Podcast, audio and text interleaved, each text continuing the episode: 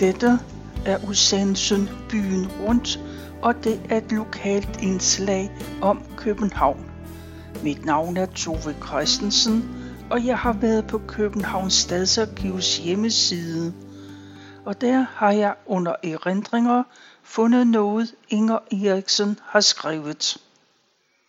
Hun fortæller, at hun kom til verden den 7. marts 1937, og hendes forældre var Grete Marie født Jensen og Børge Peter Andersen. Hun har valgt at fortælle om årene 1937 til 47, da det naturligt nok var starten af hendes liv. Hun synes selv, hun har oplevet en masse i de år, og måske kan det være interessant at høre om en ganske almindelig barns hverdag i København under besættelsen. Familien bestod af far, mor og lille søster Annie. De boede fast i kolonihaven Frederikshøj på Wagnersvej i Københavns Sydvestkvarter. Hun fortsætter sine erindringer sådan. Så var der Svend Ågen, som jeg var forelsket i, fra jeg så ham første gang som treårig, hvor han kom og ville lege med mig. Vi var jævnaldrende, og kærligheden var gensidig og holdt lige til han flyttede kort tid før os. Han var min allerførste kæreste, som jeg tydeligt kan huske, jeg kyssede to gange i løbet af de syv år, jeg var forlovet med ham. Han var sød og kom med små gaver til mig. Blandt andet noget yndigt dukketøj, som jeg blev meget glad for. Desværre kom hans søster senere og hentede det. Det var nemlig hendes, sagde hun. Men Mari var den, jeg legede allermest med. Hun boede et par huse fra mig og var den næst yngste ud af en søskende flok på seks piger. Jeg holdt meget af mig og beundrede hende meget. Hun havde to store fortænder, og jeg synes, de var enormt flotte. Selv havde jeg sådan nogle små musetænder, og for at komme til ligne mig, prøvede jeg at krænge overlæben tilbage og trække musetænderne frem. Det har sikkert set højst mærkværdigt ud. Heldigvis var det noget anstrengende, hvis jeg samtidig skulle sige noget, så det holdt hurtigt op af sig selv. Jeg synes også, at det så smart ud af mig, når hun skulle tisse og ikke gad gå ind på toilettet, bare satte sig på huk i haven, tissede bag den ene busk. Det ville jeg også gerne kunne. Det så meget nemt og elegant ud, når hun gjorde det. Men hver gang jeg prøvede, gik det galt, og jeg tissede mig selv ned af benet, og bukserne blev våde. Senere har jeg fundet ud af grunden til mine mislykkede forsøg. Min mor satte elastik i mine bukseben. Det gjorde Maris mor ikke i hendes. Men det var dejligt at lege inde hos mig. Det var et lille hus, de havde, som mest bestod af tilbygninger, blandt andet det lille værelse, som det blev kaldt. Det var meget lille, og der var nok det eneste private sted, Maris mor havde. Her skyndte hun sig ind, når forskellige kreditorer bankede på, blandt andet sæbemanden, hvem han så end var, så skulle vi sige, at hun ikke var hjemme. Men det troede sæbemanden ikke på, så han gik rundt om huset og kiggede ind af vinduet til det lille værelse, og der sad Maris mor og filede negle. Hun var meget renlig med sig selv, på trods af alt i huset flød. En gang i oktober, hvor det var meget koldt, var jeg indbudt til fødselsdagsfest for mig sammen med nogle andre børn. Vi sad rundt om det mørke egetræs spisebord, der i dagens anledning havde fået en ekstra omgang med karkluden, og var midt i erstatningskakaoen og lavkagen, da døren gik op, og Majes mor kom ind med en balje rent vand og satte det på en stol foran ovnen. Så smed hun tøjet og vaskede sig grundigt, mens vi fuldstændig glemte, hvad vi var kommet for, og sad og gloede. Da jeg kom hjem, spurgte jeg min mor, om man plejede at vaske sig til fødselsdag, mens man fik kakao og lavkage. Nej, sagde min mor, det mente hun ikke var så almindeligt. Hos mig måtte man næsten altid, måske fordi der ikke var så meget opsyn med børnene. I huset var der et værelse, som man skulle igennem, når man skulle ud i køkkenet. Det bestod mest af køjer. De var jo mange mennesker, og der sov nogen alle vegne. For enden af køjerne var der i hver side cirka 50 cm til væggen, hvor der stod sko, sko og sko. Aldrig i mit liv har jeg set så mange sko. Mange af dem gamle og kassable, som bare aldrig var blevet smidt ud. Der var en stor skobunke. Støvet og beskidtet sammen med pæne nye i alle størrelser og fasonger. Når man havde brugt dem, blev de bare smidt ind i bunken, og så kunne man se, om nogen kunne finde dem igen, når man skulle bruge dem næste gang.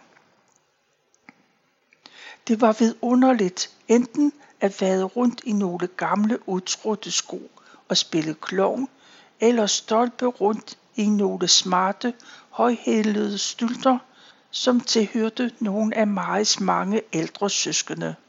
Selvfølgelig helst, når det ikke så det. Jeg ved egentlig ikke, hvad Maris mor og alle hendes piger levede af, men en tid havde de hjemmearbejde, hvor de lavede papirhatte og juleløbere af krebpapir. Papiret blev leveret, men glistret skulle de selv lægge til. Så blev mig og jeg sendt til farvehandleren med en stor glasskål og skulle købe for 2 kroner TP-glister. Det købte man færdigt og i løs vægt. Maris mor røg meget. Hun rullede selv sine cigaretter ved hjælp af en lille måtte, som det hed. Når hun altså havde både tobak og cigaretpapir, for der var mangel på begge dele. Sommetider havde hun kun cigaretpapir, og da hun som altid var smøgforlejen, som hun sagde, så blev Maja sendt ud for at plukke violer. Det betød, at hun skulle gå uden for havekolonien og samle cigaretskrød op fra gaden, og jeg var naturligvis en kammerat og hjalp hende. Så gik vi op ad Mozarts plads, hvor sporvognene havde endestation. Her stod de i cirka 10 minutter, og her havde konduktørerne og vognstyrene en stuelejlighed i et nærliggende boligkompleks, hvor de kunne slappe lidt af, inden vognen kørte den modsatte vej. Den tid, hvor vognene var uden opsyn, benyttede vi flittigt samlet skod op fra bunden af dem. Der var ikke filter på cigaretterne dengang, og på grund af tobaksrationeringen røg man cigaretterne helt ned. Sommetider satte man en dag en hårklemme i stumpen for at få det hele med, uden at brænde fingrene. Så der har nok været nogle uhyggelige nikotinfyldte stumper, vi bragte hjem. Men Maris mor blev glad, smuldrede det hele og rullede sig nogle genbrugscigaretter og så ud til at nyde hver drag. Jeg har aldrig fortalt mine forældre, hvad jeg gik og lavede i den retning. Jeg har nok haft på fornemmelsen, at de ikke vil synes om min violplukning. De seks piger Maris mor havde, havde to og to hver deres far. De to yngstes pigers far havde hun stadig forbindelse med. En pæn mand, synes jeg, der hed Axel. Han sejlede, men når han gik i land og kom på besøg, var der fest i det lille hjem. Så lød det hele vejen ned ad havegangen. Axel er kommet, Axel er kommet, og så var der ingen smalle steder.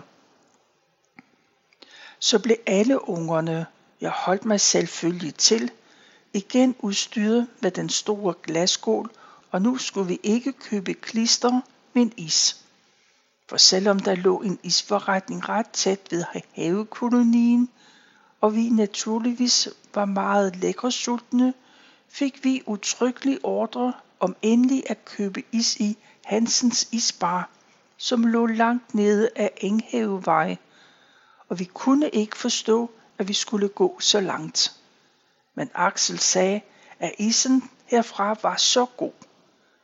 Så træskede vi troligt ned til Hansen, og da vi endelig kom tilbage med den halvsmeltede is, ville Maris mor og Axel slet ikke have noget.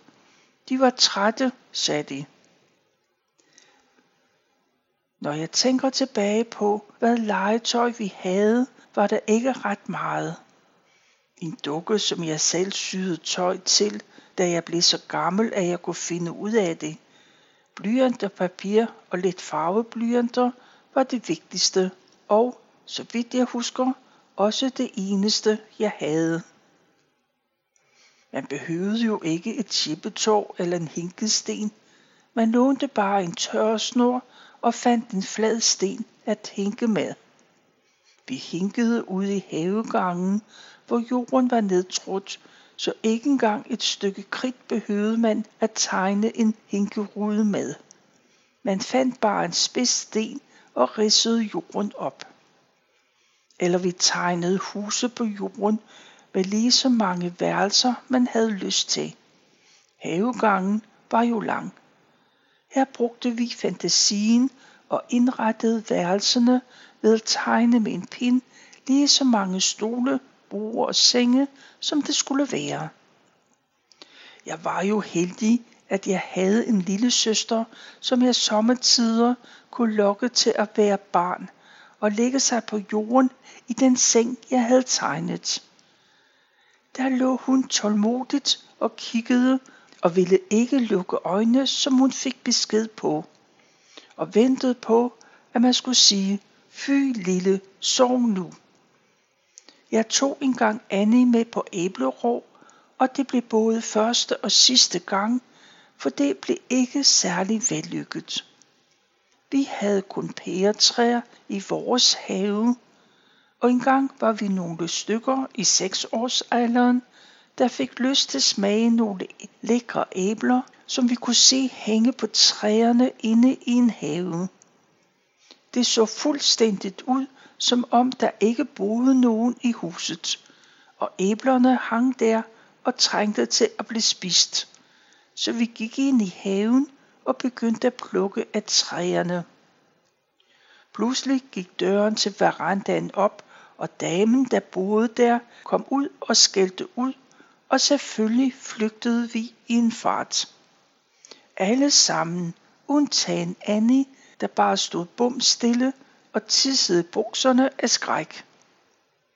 Vi andre lurede i nærheden, for jeg var lidt nervøs for, at min treårige søster må komme i fængsel for det her.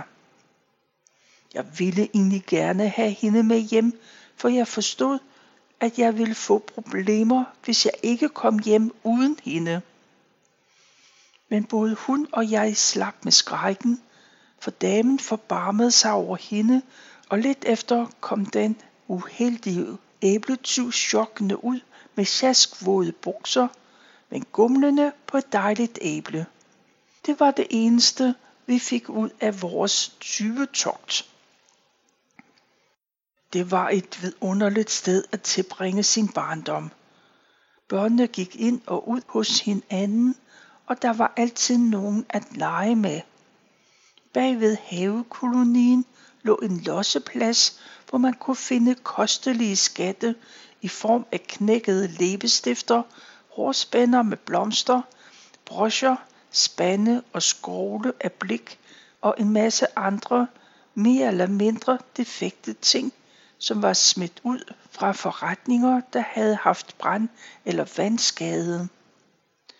Det var utrolig spændende at gå på jagt der og man kom næsten altid hjem med et eller andet fund.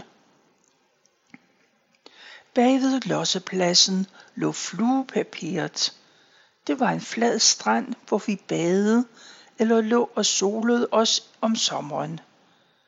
Selvom det næsten var lige ved siden af, hvor vi boede, smurte min mor nogle mader og lavede en flaske rabarbersaft. Rabarberne groede så godt i vores have, og så nød vi livet og byggede sandslotte og skyllede tæerne i vandet og skyllede rugbrødet ned med rabarbersaften. Og var man heldig, bankede der en rund jordbæris til 10 øre, som man købte hos ismanden. Han solgte is fra en hvid kasse, der var anbragt på en long john. Når man skulle på fluepapiret, var der ting, der var meget vigtigt. Jeg havde ingen badedragt, sådan noget kunne undværes, så jeg badede i et par underbukser. Men nu kom det vigtige. Jeg ville have brystholder på. Jeg ved egentlig ikke hvorfor. Jeg var kun seks år. Men piger i alle aldre brugte på den tid at lægge et firkantet tørklæde sammen, så det dannede en trekant, og lægge den foran med spidsen nedad. Så bandt man de to andre spidser sammen bagpå om livet, og foran bandt man en snor om halsen. Heri trak man spidsen af tørklædet, som man fæstnede på bagsiden med en sikkerhedsnål, og så var man klar til at vise sig for offentligheden. Længere ude mod Amager lå Sønderstrand, som var en badeanstalt. Men det kostede penge at komme ind, så der har jeg kun været en enkelt gang i mit liv. Men jeg lagde mærke til, at dem jeg så, ingen brystholder havde på. Faktisk havde de slet ikke noget på. Gik man en dag og kede sig lidt, kunne man altid håbe på, at Munkes sønner kom forbi. Det var to unge mænd i 17-18 års alderen, hvoraf den ene var bud for et renseri. Der var jo krig, og man kunne ingen benzin på få. Han kørte på sådan en sjov cykel med en slags kabine eller skab ovenpå, hvor rensetøjet kunne hænge på bøjler. Sønnerne hed Finn og Knud, og det var jo herligt, for kom Finn forbi, kunne man råbe, Finn, Finn, pølseskin, trækker maven ud og ind. Og kom Knud, råbte man, Knud, Knud, gummitud, trækker maven ind og ud. Deres far dyrkede tobaksplanter i hele haven. Folk sagde, det smagte som hø, men måske var de bare misundelige på Munkø. Der var nogle dejlige sommer med bare fødder for det meste og ikke meget tøj på. Men også vintrene var dejlige. Der faldt rigtig meget sne, og der var jo ingen, der kom med skov eller fejemaskine og fjernede noget af alt den sne, der lå i kolonihaven. Det blev bare liggende, og det blev bygget masser af snemænd, kroner og snehuler ind i de volde, der var imellem nogle af havegangene. Regnvejr derimod var vi ikke særlig glade for i vores familie. Huset vi boede i var i en elendig forfatning. Ikke mindst taget, der var af tagpap, var der konstant hul i et eller andet sted. Når det regnede, samlede vandet sig på loftet oven over stuen. Loftet var indvendigt beklædt med en slags lærred, som var limfarvet. Det nedsivede vand samlede sig i store vandfyldte blære under loftet og lignede store koyvere, der ventede på at blive malket. Så mobiliserede min mor alt, hvad hun havde af potter og skåle og spande. De blev så anbragt under blærene, for hun stak hul på dem med en strikkepind. På den måde fordelte hun afløbet og undgik, at hele loftet bræssede ned. men det var en våd omgang, og selvfølgelig frygtelig usundt at opholde sig i. Det var heller ikke særlig nemt for to børn at skulle lege mellem de måske ti steder, som der tit var, hvor det dryppede ned, og det var skønt, når det holdt op med at regne.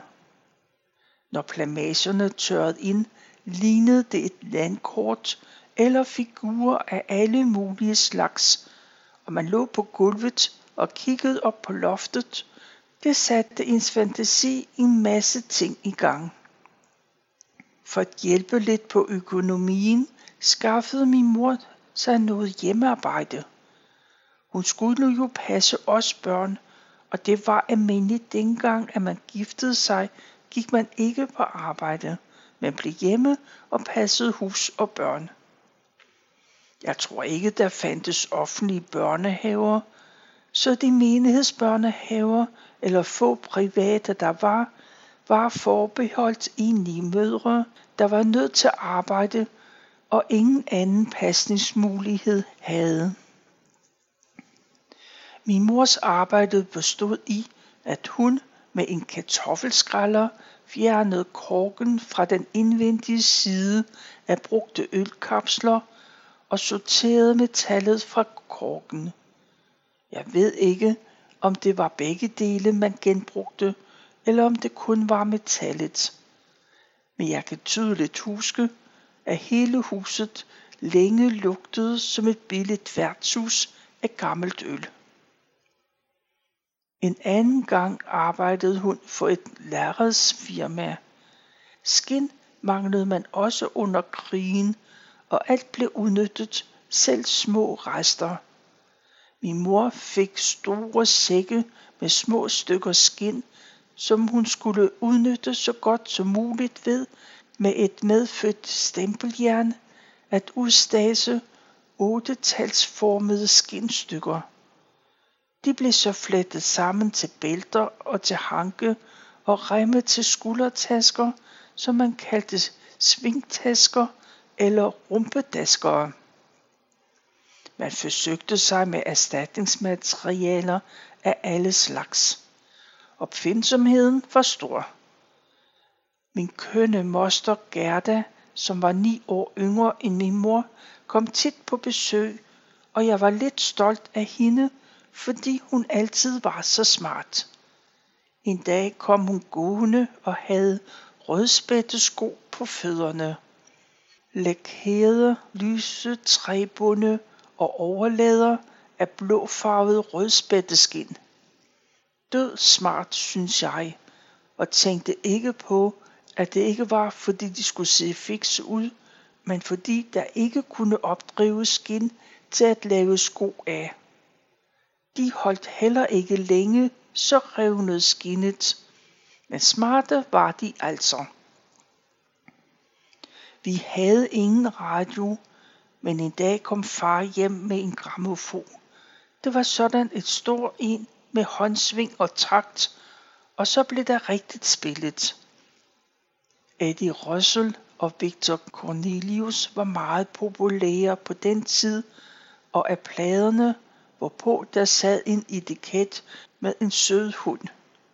Der kan jeg huske titlerne Frøken, giv mig himlens nummer. Langsomt følges mor og datter, blå roser og andre i den genre. Da ingen af mine forældres omgangskreds havde for meget, og man engang imellem synes, at nu var det hele lidt for trist, blev man enige om at holde en fest. Der var altid et sammenskudskilde, som det blev kaldt, hvor alle bidrog med, hvad de kunne eller kunne skaffe.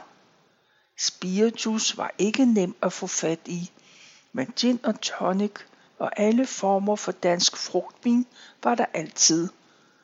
Og der blev blandet en del mærkelige schusser ved de fester. Normalt var vi børn ikke hjemme, men en enkelt gang, hvor ingen kunne passe os, var vi hjemme. Det vil sige, Annie var så lille, at hun lagde sig i seng og sov. Men jeg var seks år og var meget interesseret i at se, hvordan sådan en fest gik for sig. Jeg var så interesseret, at jeg gik og drak chatter af alle glassene, mens de voksne dansede til gramofonen, og efterhånden som tiden gik, synes jeg, at alting blev sjovere og sjovere.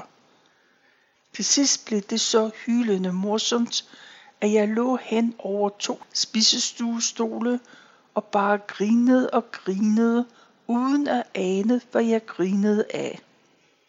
Hele selskabet stod rundt om mig og kiggede forskrækket, og mine forældre var naturligvis ude af sig selv og anede ikke, hvad de skulle stille op med mig. Til sidst æbbede det selvfølgelig ud, og fulderikken blev lagt i seng og sov godt og længe ved siden af sin mere ædruelige søster. Selvom der var varemangel i forretningerne, næsten alt skulle man have rationeringsmærker til, ellers kunne man slet ikke købe noget, tænkte man som barn ikke så meget på de mangler, der var. Vi havde jo ikke noget at sammenligne med, og vidste ikke, som de voksne, hvordan det havde været før krigen. Havekolonien var som en lille enklave for sig selv. Og selvfølgelig så vi tyskerne på gaden i Sydhavnen og hørte om, hvad der skete rundt omkring, men altid lidt på afstand. Indtil en dag i sommeren 43, hvor jeg var sendt til bageren for min mor. Mens jeg var væk, omringede tyske soldater hele havekolonien. De stod ved hver en udgang, for enden af hver havegang, ja, overalt, hvor der var en chance for at slippe væk, parat med deres maskinpistoler.